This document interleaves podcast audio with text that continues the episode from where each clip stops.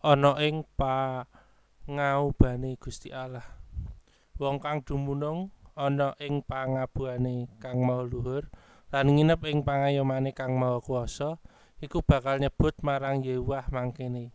Pangungsen saha beteng kawula Gusti Allah kawula ingkang kawula andhelaken.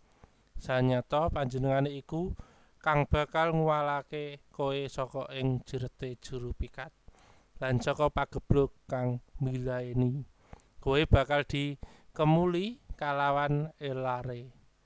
Bakal diayomi ing sangisoring swiwine. Kasetyane iku minangka tameng lan pager tembok.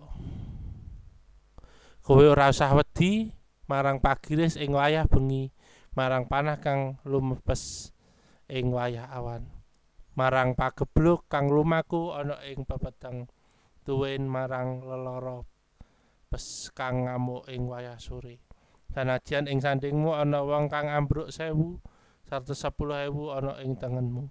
Ewadene kowe dhewe ora bakal ketaman. Iku mongkok sawang kalawan mripatmu dhewe wae. Lan ndeleng piwales marang para wong duraka. Amarga pangeran Yewah iku dadi pangayomanmu kang maha luhur iku wus kok dadekake pangaubanmu